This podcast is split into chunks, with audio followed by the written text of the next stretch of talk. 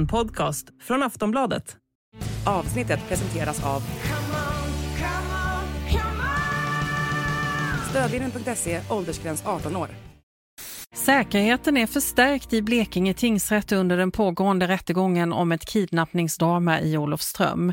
Två män är misstänkta för att ha hållit en tredje man fången under tre dygn i källaren hemma hos Peder Blom Bokenhjelm, moderat politiker och grundare till Bensinupproret.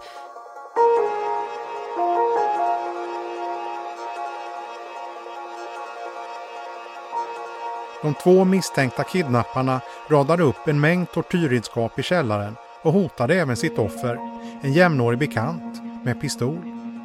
De tros ha hållit honom fången i fyra dygn och tömt hans bankkonton undan för undan. När polisen anlände till platsen vågade offret inget säga utan intygade tvärtom att allt var lugnt. Men på gärningsmännens mobilfilmer framgick en annan version. Det här är Fången i källaren. Ett avsnitt av podden Aftonbladet Krim. Jag heter Anders Johansson.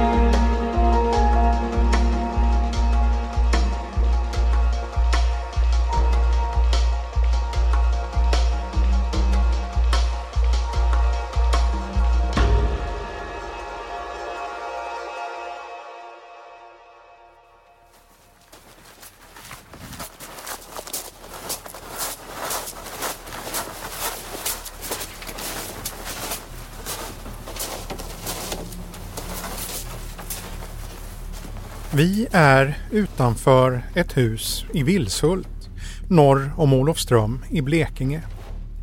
Det är kväll och en person filmar med sin mobil när han går utanför ett rött stort hus. Klockan är runt sju på kvällen. Det har börjat mörkna. Det lyser i ett av fönstren på ovanvåningen men i resten av huset ser det släckt ut. Personen som filmar pratar lågmält.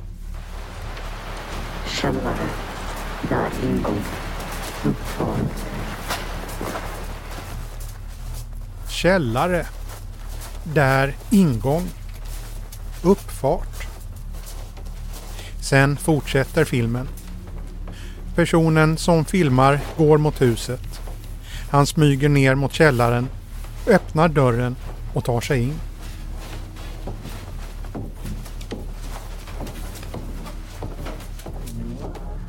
Sen pratar han igen. Han verkar anstränga sig för att hålla nere rösten. Här är scenen. Här är scenen. Här är scenen. Personen med mobilkameran fortsätter filma och tycks komma med olika instruktioner. Senare i filmen viskar han igen.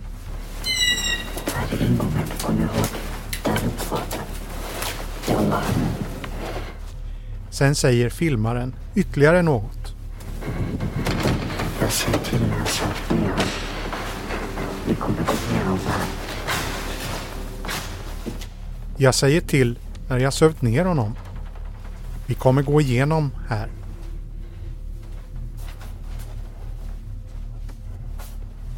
En kort tid senare filmar samma person igen. Han går i en trappa inomhus. Han pratar igen. Här är vägen ut till hallen. Du har inte låst dörren. Eller du har inte låst dörren. Han tycks vilja försäkra sig om att dörren är olåst. Filmen tycks visa två personer som är på väg upp för trappan. Sen följer flera filmer. En där dricksglas filmas samtidigt som en person säger sömnmedel för att fucking komma åt stashen. En annan där en person håller i ett vapen och riktar mot en person. En tredje film som visar ett urdrucket glas och sen en person som tycks sova. Och till sist en film på en person som bär två halsband runt halsen och tittar rakt in i kameran och pratar. I'm in a killer mode. Killer, killer, killer mode. I'm in my killer mode. Killer, killer, killer mode. Hej Anders, mitt namn är Peder Blom Bokenhielm. Ja men hejsan, hej hej. Hej, jag ser att du har försökt att, uh, att nå mig. Ja just det ja. ja. Vi har ringt för att prata med företrädaren för en av landets större partipolitiskt obundna rörelser som samlar sina anhängare i Sveriges största Facebookgrupp. Bränsleupproret, som blev stora under namnet Bensinupproret. De beskriver sig själva som en gräsrotsfolkrörelse och driver frågan att regering och riksdag omedelbart ska göra vad som går för att sänka priset på drivmedel. Men det är inte bränsleupproret som vi ska prata om utan om en annan situation som ordföranden Peder Blom Bokenhjelm befinner sig i just nu. Den, den situationen är surrealistisk och på gränsen till absurd ska jag vilja påstå. Peder Blom Bokenhjelm är en av huvudpersonerna i ett pågående rättsfall. Ett fall som handlar om människorov, grovt rån och penningtvätt. En annan huvudperson är en till honom närstående ung man som bott hos honom en tid. Enligt Peder är det så han själv drogs in i det här. Mina förutsättningar var att jag ville hjälpa honom att komma upp på fötter. Så han hade tak över huvudet och någonstans att bo under, till och från under uh, ett års tid. Och uh, under det året så har vi upplevt så många hemskheter. När vi ringer upp har fallet precis börjat prövas i domstol. Men allt inleds drygt ett år tidigare, våren 2022. Det börjar med att det görs en polisanmälan som gäller brott som ska ha begåtts i Peders hem. Ja, det var väl det som startade hela den här bollen om jag har förstått det rätt. Därför att de här personerna hade nästan ihjäl honom i, och han låg helt, helt uh, onåbar. Jag kunde inte få kontakt med honom och han hade fått i sig både det ena och det andra tydligen.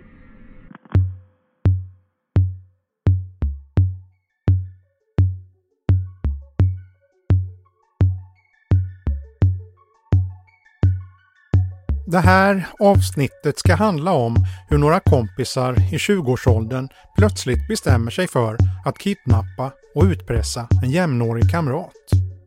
De hade upptäckt att han hade pengar på banken. Det ska också handla om hur samma kompisar lika plötsligt bokstavligen förvandlas till dödsfiender. Och att ett fullbordat mord troligen kunde undvikas bara tack vare slumpen.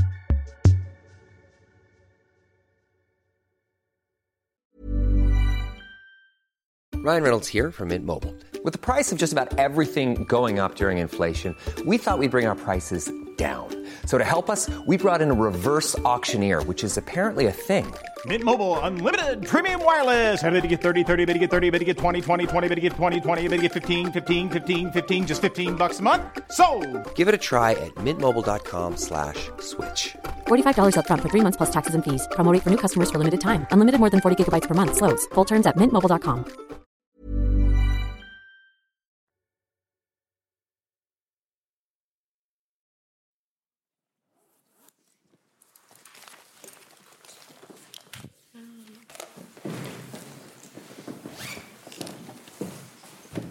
Vi är i Blekinge tingsrätt i Karlskrona. Det är fredag den 10 februari och klockan är precis efter nio. Det är första dagen i en förhandling som innehåller en mängd olika åtalspunkter. De lokala mediehusen är på plats och några enstaka åhörare. Här finns även förstärkt bevakning i form av två uniformerade poliser. Den stora och ljusa salen i det här pampiga rådhuset har höga fönster som vetter ut mot Stortorget. Där ute skiner solen. Här inne får de tilltalade, En och en hjälp med att få av handfängslen. Några utbyter blickar med varandra. Han som är målsägare tittar ner i bordet eller rakt fram. När alla tagit plats intill sina försvarsadvokater inleder ordföranden Ingela Klinteberg dagens förhandling. Jag sa god morgon. Dag tingsrätten kallat till huvudförhandling i mål mellan å ena sidan Åklagarmyndigheten Sen är det som vanligt lite ordningsregler som ska gås igenom. Efter några minuter har alla fått klarhet i vilka regler som gäller i salen. Åklagare Malin Rydell Almroth får ordet och börja berätta om händelsen som gjort att vi alla samlats här idag. Och har tillsammans och i samförstånd bemäktigat sig målsäganden och hållit honom bortförd från sitt hem mot sin vilja mellan den 7 till 10 februari 2022 med uppsåt att skada honom till liv och eller hälsa samt utöva utpressning gentemot honom.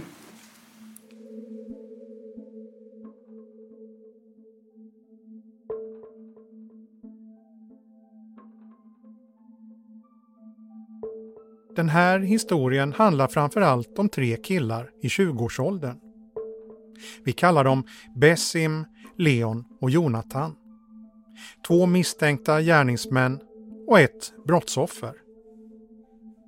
Allt börjar med att Leon och Jonathan träffas på en bilträff.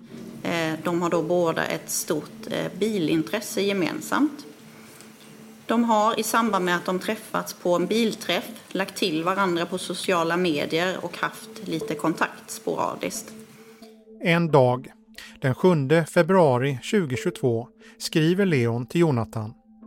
Han vill ha hjälp med en sak. Skjuts för att fixa ett ärende. Jonathan säger först nej. Han vill inte. Men Leon lockar och säger att han kommer kunna få bra pengar för att skjutsa honom. Det här fångar Jonathans intresse. Hans mamma har nyligen fyllt år och han tänker att han för pengarna kan köpa henne något fint i present. Jonathan går med på att hjälpa till. Han åker för att hämta Leon och Leons kompis Bessim, som Jonathan aldrig träffat förut. De tre möts upp på en parkering i Olofström och åker sedan söderut mot Åhus. Enligt åklagaren handlar det om att Bessim och Leon ska åka och köpa droger i Åhus. Efter knappt en timmes bilfärd är de framme. De parkerar utanför en matbutik. På ICA-parkeringen i Åhus den 7 februari 2022 börjar det som kommer att bli en fullständig mardröm. Allting går väldigt snabbt. Jonathan får en kniv tryckt mot halsen och en pistol riktad mot sig. Han frågar vad han har gjort och får till svar att han har jättemycket pengar eftersom han jobbar och att de vill ha hans pengar. Leon och Bessim beordrar Jonathan att börja köra igen. De rullar ut från ICA-parkeringen i Åhus och kör norrut igen. Och under tiden han kör till Olofström får han på nytt en pistol riktad mot huvudet. Pistolen får han förklarat för sig att den är äkta och han får förklarat för sig att han ska göra som de säger eftersom de annars kommer knäppa honom. En av de misstänkta tar upp mobilen på vägen och filmar. Det var ett gäng på Snapchat som och ha skjuts. Bessim säger ”Ge mig tabben”, ett slanguttryck för pistolen. Sen tycks de misstänkta prata om vad Jonathan ska säga om någon frågar vad som hänt. Efter ett tag ber Jonathan Bessim sluta vifta med pistolen, vilket leder till att Bessim tar ner den ett tag. Efter några sekunder håller han på med vapnet igen. Han säger själv att han blir helt CP när jag käkat fucking preparat. Nej, jag, jag, jag är helt CP när jag fucking käkat preparat. CP annars. Bilen rullar vidare. Men de åker inte raka vägen mot Olofström. På vägen stannar de vid en bankomat och tvingar Jonathan att ta ut pengar. Han får också kontakta sina vänner och be om mer pengar. Det tar knappt 50 minuter till Olofström. Men de kör förbi och vidare till den mindre orten Vilshult. De stannar först till hos en person. När de ska köra därifrån har kopplingen på bilen gått sönder. De promenerar istället. Jonathan går först, Leon går bakom med pistolen riktad mot Jonathan. Efter en bits promenad är de framme vid en fastighet. De går in och ner i källaren. Nere i källaren ligger en yogamatta på golvet. På den ligger en mängd föremål. Där har dukat fram tortyrredskap och lagt på en yogamatta. På yogamattan ligger samma pistol som han tidigare blivit hotad med under bilfärden. Detta är en modifierad startpistol som det går att skjuta skarpt med och som har förklarat är äkta. Har också visat att vapnet är äkta genom att mantla det framför målsäganden. I källaren finns också en scen. Där sätter de Jonathan. Yogamattan med tortyrverktygen ligger bredvid. Sen förklarar de att han måste ordna fram pengar.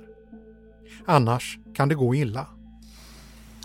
Hotas under tiden i källaren med kniv, pistolen, hammare och nunchucks. Under vistelsen i källaren blir han också slagen på kinden av Slaget är så hårt så att det börjar blöda och har en sårskada vilket döljs av ett plåster på kinden. Kravet är tydligt. Jonathan måste ordna fram pengar. Genom vänner och även genom att tömma sina egna konton. Han får visa sina banktillgodohavanden och sina fonder. Han tvingas plocka ut alla sina fonder på 140 000 kronor.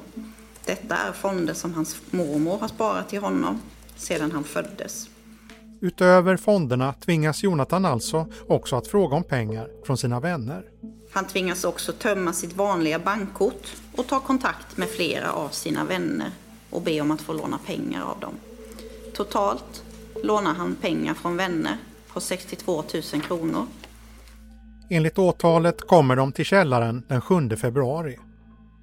På förmiddagen den 8 februari spelas en kort film in med en mobiltelefon. De lyssnar på musik.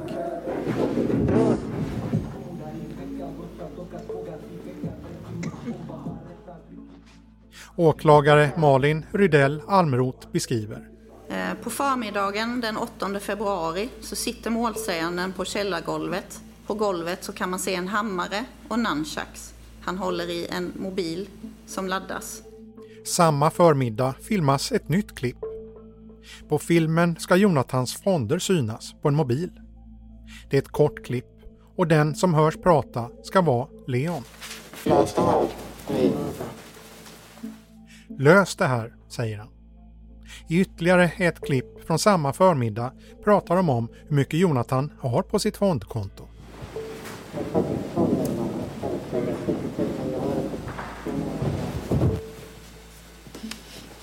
Leon och Bessim säger att de ska ta 70 000 från Jonathan.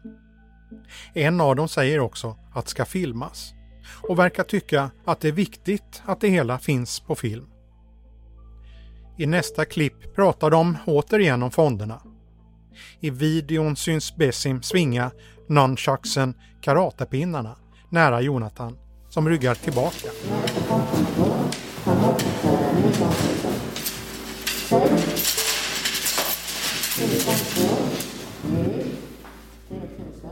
Ungefär samtidigt som de här klippen spelas in börjar Jonathans familj ana oro. Hans anhöriga är oroliga eftersom han inte kommit hem och inte går att få kontakt med. De tar kontakt med polisen och gör en anmälan. I den anmälan framgår att familjen förstått att Jonathan lånat pengar, men att han nu är spårlöst försvunnen. Senare under dagen får familjen kontakt med Jonathan, men han säger då att han sitter i en lägenhet i Sjöbo och att han är där för att han har spelskulder. Det stillar inte familjens oro. Dagen efter görs ett fynd.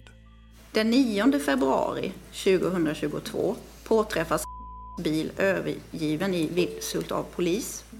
Det är alltså Jonathans bil som hittas bredvid ett hus i Vilshult. De som bor i huset vet inte var Jonathan är men pekar ut en annan adress några hundra meter bort. Polisen åker dit, frågar runt och efter ett tag dyker Leon och Jonathan upp.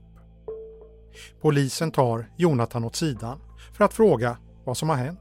Polisen pratar själva med som uppger att han inte är bortrövad utan att han är där frivilligt för att han har ett spelmissbruk. Detta är något som han har fått instruerat att säga till polisen. Enligt åklagaren är det Leon som instruerat Jonathan vad han ska svara på polisens frågor. Svarar han inte rätt kommer de att skada honom. De hotar också med att något ska hända hans anhöriga. Men det här vet polisen inte om. Och eftersom Jonathan svarar som han gör väljer de att släppa ärendet. Polis avslutar ärendet och misstänker då inte att något brott föreligger. Mardrömmen fortsätter. Senare samma dag hyr Jonathan en ny bil. Leon och Jonathan sätter sig i bilen och kör norrut. Den 9 februari 2022 åker man till Hallbergs guld i Växjö med hyrbilen och köper silversmycken i kejsarlänk, både armband och halsband. Nästa dag sätter de sig i bilen igen. Den här gången kör de söderut. Färden går sedan mot Malmö, Emporia, där ett inköp görs på Guldexperten i Malmö för 62 500. Man köper en guldkedja i kejsarlänk. Samtidigt som Jonathan och Leon är ute och kör växer oron hos Jonathans anhöriga. Den 10 februari 2022 anmäls på nytt försvunnen av sina anhöriga eftersom han fortfarande inte har kommit hem och hans anhöriga inte får kontakt med honom. På kvällen kör Jonathan bilen tillbaka mot Olofström. Här verkar det som att han fått nog. Han släpper av Leon och säger att han inte kan göra något mer. Pengarna är slut. Och att det är färdigt och att han nu tänker åka hem. Enligt åklagaren svarar Leon med att förklara att han vet var Jonathan bor. Men Jonathan tar bilen och kör hem. Han sover hos en kompis. Dagen efter åker han och lämnar tillbaka hyrbilen och sen åker han hem. Senare på dagen ringer Leon upp honom med ett nytt krav. Han måste skicka över de sista pengarna. Jonathan gör som han säger. Sen verkar det vara över. Men händelsen har satt sina spår hos Jonathan och även hos hans familj. Efter att han kommit hem bestämmer de sig för att byta lås på ytterdörren. Och man har installerat en dörrklocka där man kan se ansikten på de som ringer på. De sover på hotell tills låsen är bytta. Det ska ta lång tid innan Jonathan medverkar i utredningen. Enligt åklagaren handlar det om att han helt enkelt varit för rädd efter det som hänt. Han har inte varit säker på att han ska komma levande därifrån. Han har hotats med kniv mot strupen, pistol mot huvudet, hammare och nunchucks. Han har varit tvungen att lämna ifrån sig sina nycklar, legitimation, bankkort, mobil och han har saknat alla möjligheter att ta sig ifrån situationen och kalla på hjälp. Här skulle egentligen den här historien kunnat vara över. Och ingen utom de närmast inblandade hade känt till vad som hänt. Men det hela ska ta en ny vändning. En vändning där en av de inblandade utsätts för ett utstuderat rån som kunde kostat honom livet.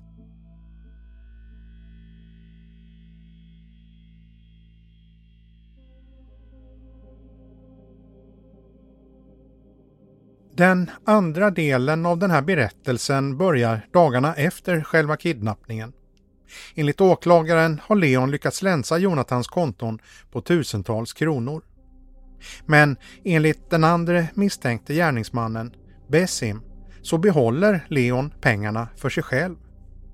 Det här leder till en konflikt mellan de två unga männen. Denna konflikt blir upprinnelsen till gärningen som inträffar den 18 februari 2022. Ja, den andra delen av den här historien utspelar sig på kvällen den 18 februari. Enligt åklagaren är det då som Bessim smyger sig in i huset där Leon bor. Bessim har med sig en vän och filmar hela förloppet med sin egen mobil. De tar sig till källaren, de lämnar nödutgången öppen och pratar om att de ska bli upphämtade när de har sövt ner honom. Ja, på filmerna hörs en av männen säga att han ska citat säga till när han sövt ner honom. Allt är alltså fångat på film som hittats i den misstänkte gärningsmannens mobil. Jag säger till när jag sövt ner kommer igenom det. Sen går det att följa hur de två misstänkta gärningsmännen tar sig upp för en trappa och sen in i rummet där Leon är. På nästa mobilfilm syns dricksglas med en blåaktig vätska. Det spelas hög musik, men på filmen hörs en man säga att det är sömnmedel i glaset. Vi söver ner horan, fucking patient. Därefter kommer flera klipp på Leon. Han verkar bli mer och mer groggy. I ett av klippen erbjuder en av de misstänkta gärningsmännen honom en cigarett. Man kan via filmerna följa händelseförloppet där allt mer påverkad och slutligen hamnar i sin säng där han tuppar av och tappar medvetandet. På de efterföljande filmerna kan man se hur Bessim och hans vän plockar på sig silverkedjor, iPhone och pengar samtidigt som de hånar den medvetslöse Leon.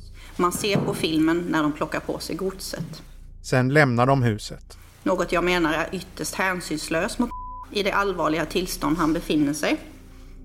Senare samma kväll hittas Leon utslagen i sin säng.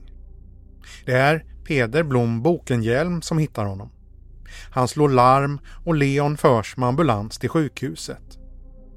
När han provtas syns spår av vad som hänt. Vid provtagning konstateras att han har narkotika och sömnmedlet Solpidem i kroppen. Efter att Leon överlevt överdosen i februari gjordes en polisanmälan om stölden. Polisen slog till hos Bessim och hittade ett skjutvapen, en omgjord startpistol. De tog också hans mobil i beslag för att tömma den på innehåll. Bessim blev anhållen men släpptes efter ett par dagar och då blev det inte lika akut att analysera hans mobil. När telefontömningen så småningom kom igång visade det sig att den innehöll enorma mängder med filmer. Filmerna vi lyssnat till tidigare i avsnittet. Framåt höstkanten, drygt ett halvår senare, i oktober, hittade utredarna filmer som tycktes visa mycket hotfulla situationer. Däribland något som såg ut att vara en utpressning. Det är filmerna på Jonathan. Den misstänkta kidnappningen vi berättade om tidigare i avsnittet. Utredningen fortgick och i januari 2023 väcktes åtal för en mängd brott. Leon och Bessim åtalades för människorov och utpressning av Jonathan. Och Bessim åtalades för att därefter ha rånat och sövt sin vän Leon. I åtalet gör åklagaren gällande att agerandet citat medfört att målsäganden befunnit sig i en situation som inneburit trängande fara för hans liv.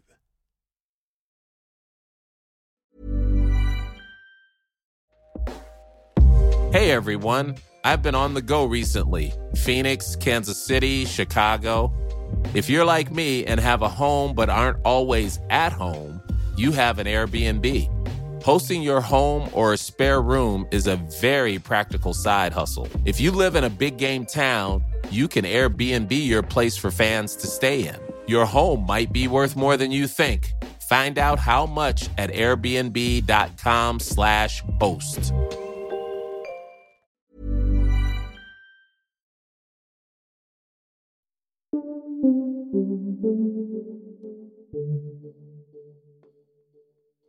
Vad har egentligen hela den här historien att göra med Peder Blom Bokenhielm? Mannen vi pratade med i telefon i början av avsnittet. Svaret är att stora delar av de här händelserna utspelar sig hemma hos honom. Det var i hans källare som åklagaren menar att Jonathan hölls fången och blev utpressad.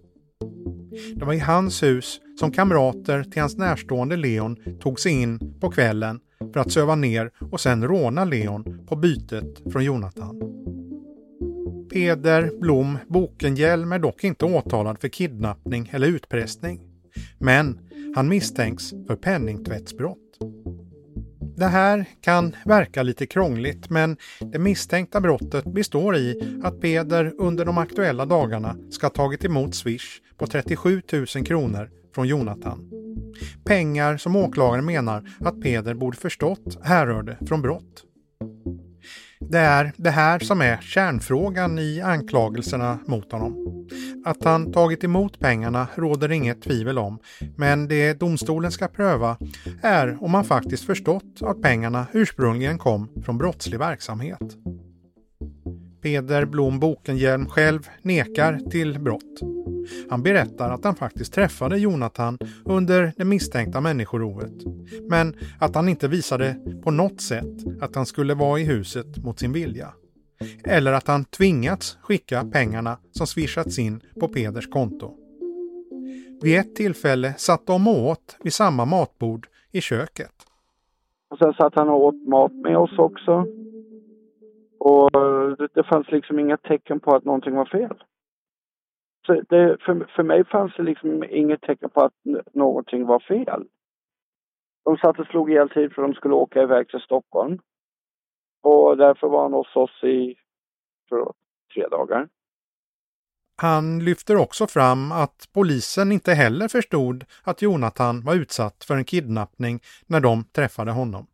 De såg liksom ingenting heller fel utan åkte därifrån. Min advokat har bokstavligen sagt om inte polisen ser att någonting är fel, hur kan det då förvänta sig att jag ska se det? Peder Blom Bokenhielm menar att han aldrig kunde föreställa sig att någon hölls fången i hans eget hus.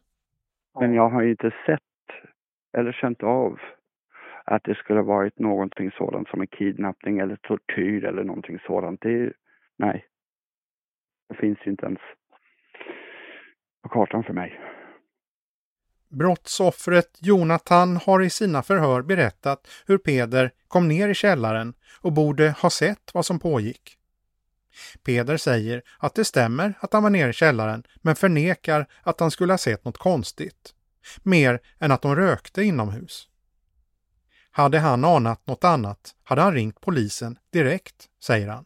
Jag gick ner till källaren, stod i dörröppningen och fräste åt dem att sänka musiken och sen så stod de och rökte då inne i lokalen. Och då sa jag, det där får ni sköta utanför. Sen vände jag upp och gick, och sen vände jag bara och gick upp. Jag har inte sett någonting. Förutom ett gäng ungdomar som sitter och degar mitt på natten och uh, spelar hög musik. Och röker inne. Under den första rättegångsdagen fick Peder Blom Bokenhielm för första gången se de filmer som åberopas som bevis. Han betecknar det som framgår på dem som fruktansvärt. Bland annat där Jonathan hotas med pistol när killarna är ute och åker i hans bil. Och Jonathan vädjar Snälla, snälla, snälla. En annan filmsekvens som han tycker är lika skrämmande är den som Bessim filmat på kvällen när han och en till tar sig in i hans hus för att söva Leon med sömnmedel och narkotika för att därpå råna honom. Det är så hemskt därför att nu eh, med det de gjorde var ju att av någon anledning så dokumenterar ju den ena allting. Eh, hans försvarsadvokat sa att det är en hobby han har. Att göra saker och ting dramatiskt. Jag personligen tycker att, eh, alltså, när jag såg det där i första gången i fredags och jag förstod att de försökte döda honom. Eh, det var... Alltså det, det, det, det... Hur ska man beskriva det? Det, det är hemskt, det är bara för, förnamnet. Det är otäckt, otryggt. Eh, man känner sig utelämnad. Det är liksom overkligt är bara förnamnet, som sagt. Nu kom det sig så att Peder Blom Bokenhielm gick upp på natten efter att Leons kamrater smugit ut. Han ville kolla av läget.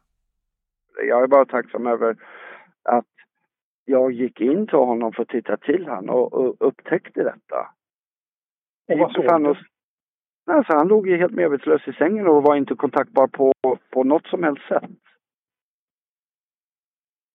Nej. Vad gjorde du? Ja, i det läget så, så ringde vi efter en ambulans. Ja.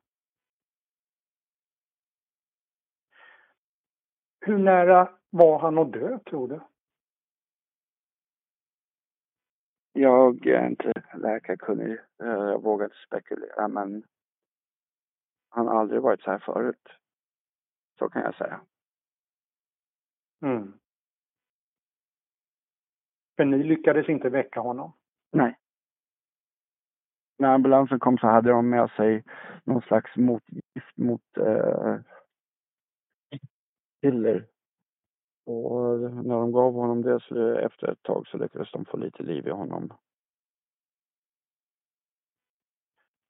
Och vad hade hänt, tror du, om du inte hade upptäckt honom? Ja, då hade han ju dött.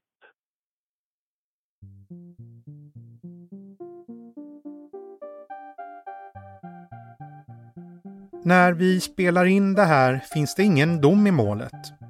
Det kan därför vara värt att påpeka att de inblandade därför ska betraktas som oskyldiga.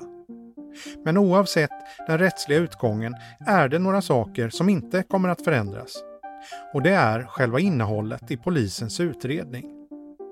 I det här fallet, liksom i många andra, utgörs den tyngre delen av bevisningen av bilder och filmer som de misstänkta har tagit på sig själva. Förövare har dokumenterat sin egen brottslighet som annars praktiskt taget skulle vara omöjlig att bevisa. Vad var det egentligen som sades? Uttalades det som sades på ett vänligt eller hotfullt sätt? Hur hölls vapnet egentligen? Hade offret verkligen fog för att frukta för sitt liv?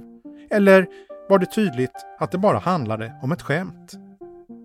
Den typen av frågor blir lättare att få en uppfattning om när de finns på film. Ja, det är Sven Granat här, Polismyndigheten Region Stockholm.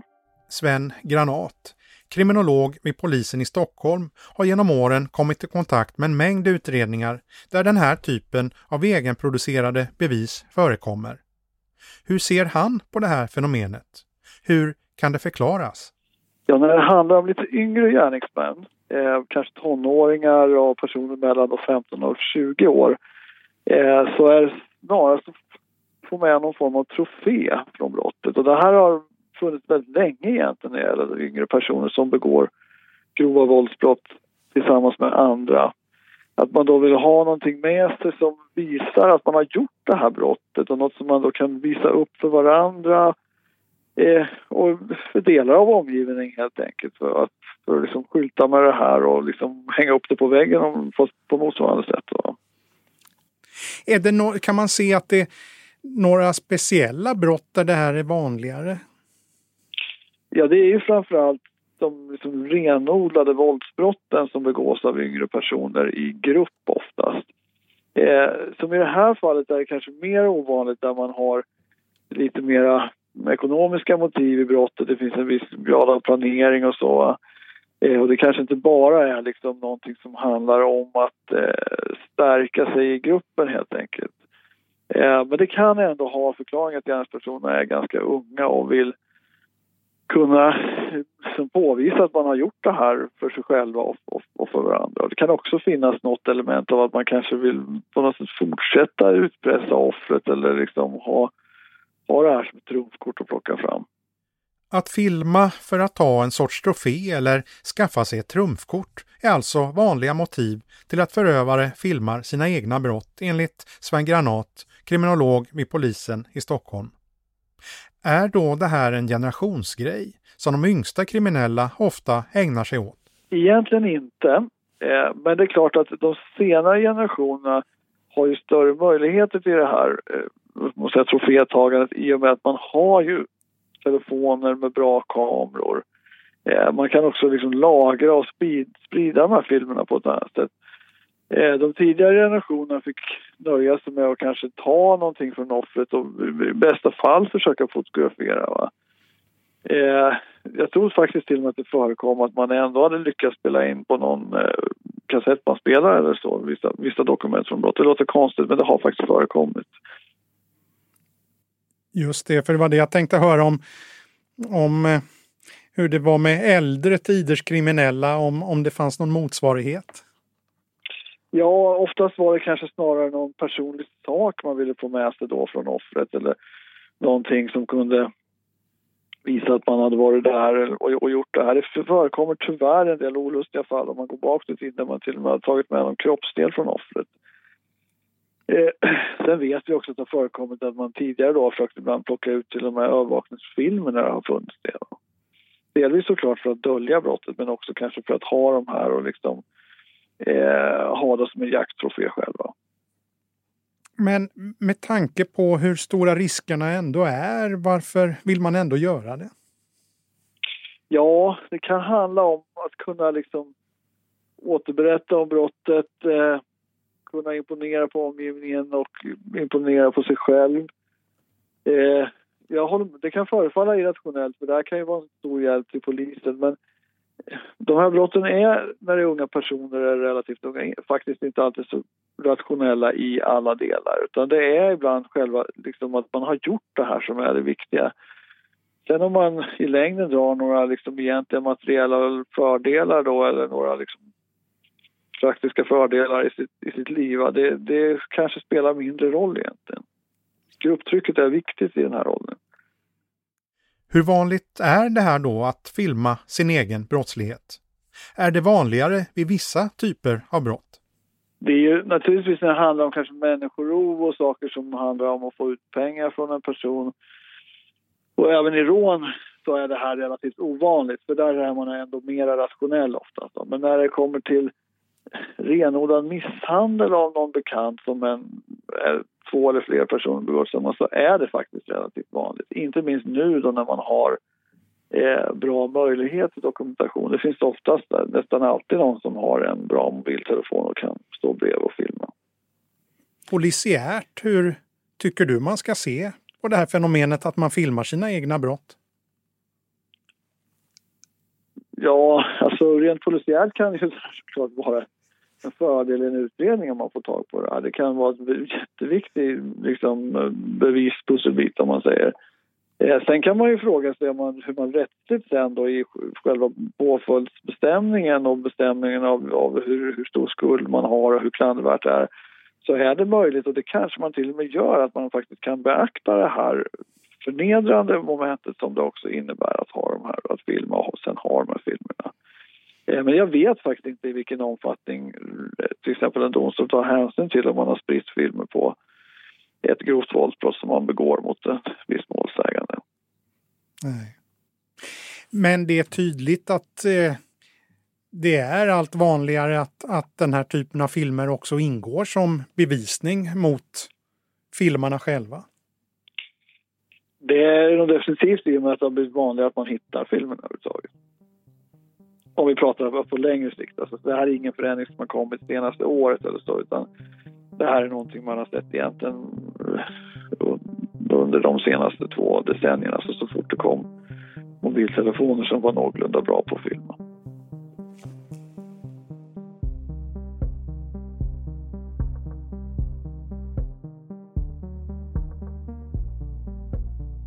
Det här fallet handlar alltså om flera händelser som utspelat sig under 4-5 dygn för drygt ett år sedan. Det handlar enligt åtalet om brott som kan leda till kännbara fängelsestraff om rätten bedömer att bevisningen håller. För Peder Blom Bokenhjelm, som alltigenom nekar till alla anklagelser om brott, har det hela inneburit svåra prövningar på ett personligt plan. Det har också inneburit att hans nya karriär avbrutits innan den ens hunnit börja.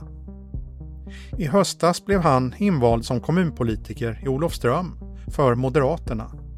Men på grund av det som hänt har han inte tillträtt sina poster. Hur det aktuella målet kan påverka hans roll som politiker och opinionsbildare vill han inte tänka på just nu. Först och främst måste jag ta mig igenom detta. Och um, ja, hitta rätt Sen om det innebär att jag avbryter mina politiska åtaganden eller om, eh, eller om jag fortsätter med dem, det vet jag inte ännu. Det ligger i framtiden, det får framtiden utvisa. Men just, just nu så är det full fokus bara på familjen och att vi ska ta oss igenom detta.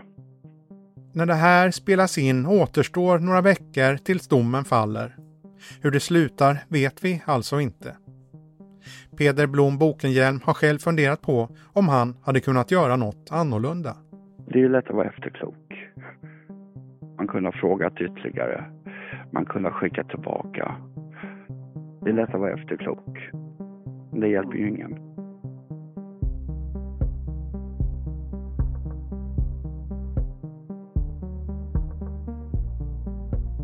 Du har lyssnat på ett avsnitt av podden Aftonbladet Krim. Klippet i början av programmet kommer från Sveriges Radio P4 Blekinge. Producent var Marcus Ulfsand. Jag heter Anders Johansson.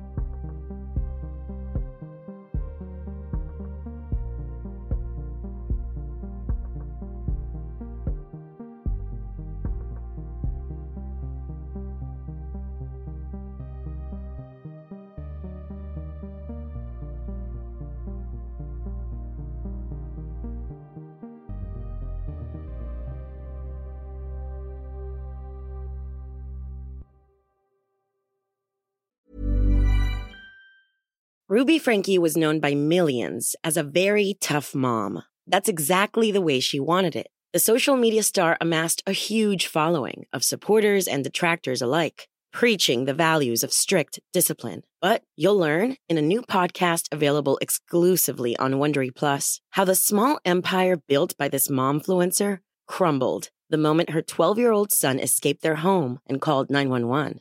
Wondery and Law and Crime bring you the new podcast the Rise and Fall of Ruby Frankie, which explores the allegations of starvation, torture, and emotional abuse leveled against Frankie and her business partner, Jody Hildebrandt. Learn about the family's path to stardom, the depravity investigators uncovered inside the home, and hear in depth analysis of the ongoing criminal trial. Listen to the rise and fall of Ruby Frankie exclusively and ad free on Wondery Plus. Join Wondery Plus in the Wondery app or on Apple Podcasts. Du har lyssnat på en podcast från Aftonbladet. Ansvarig utgivare är Lena K Samuelsson.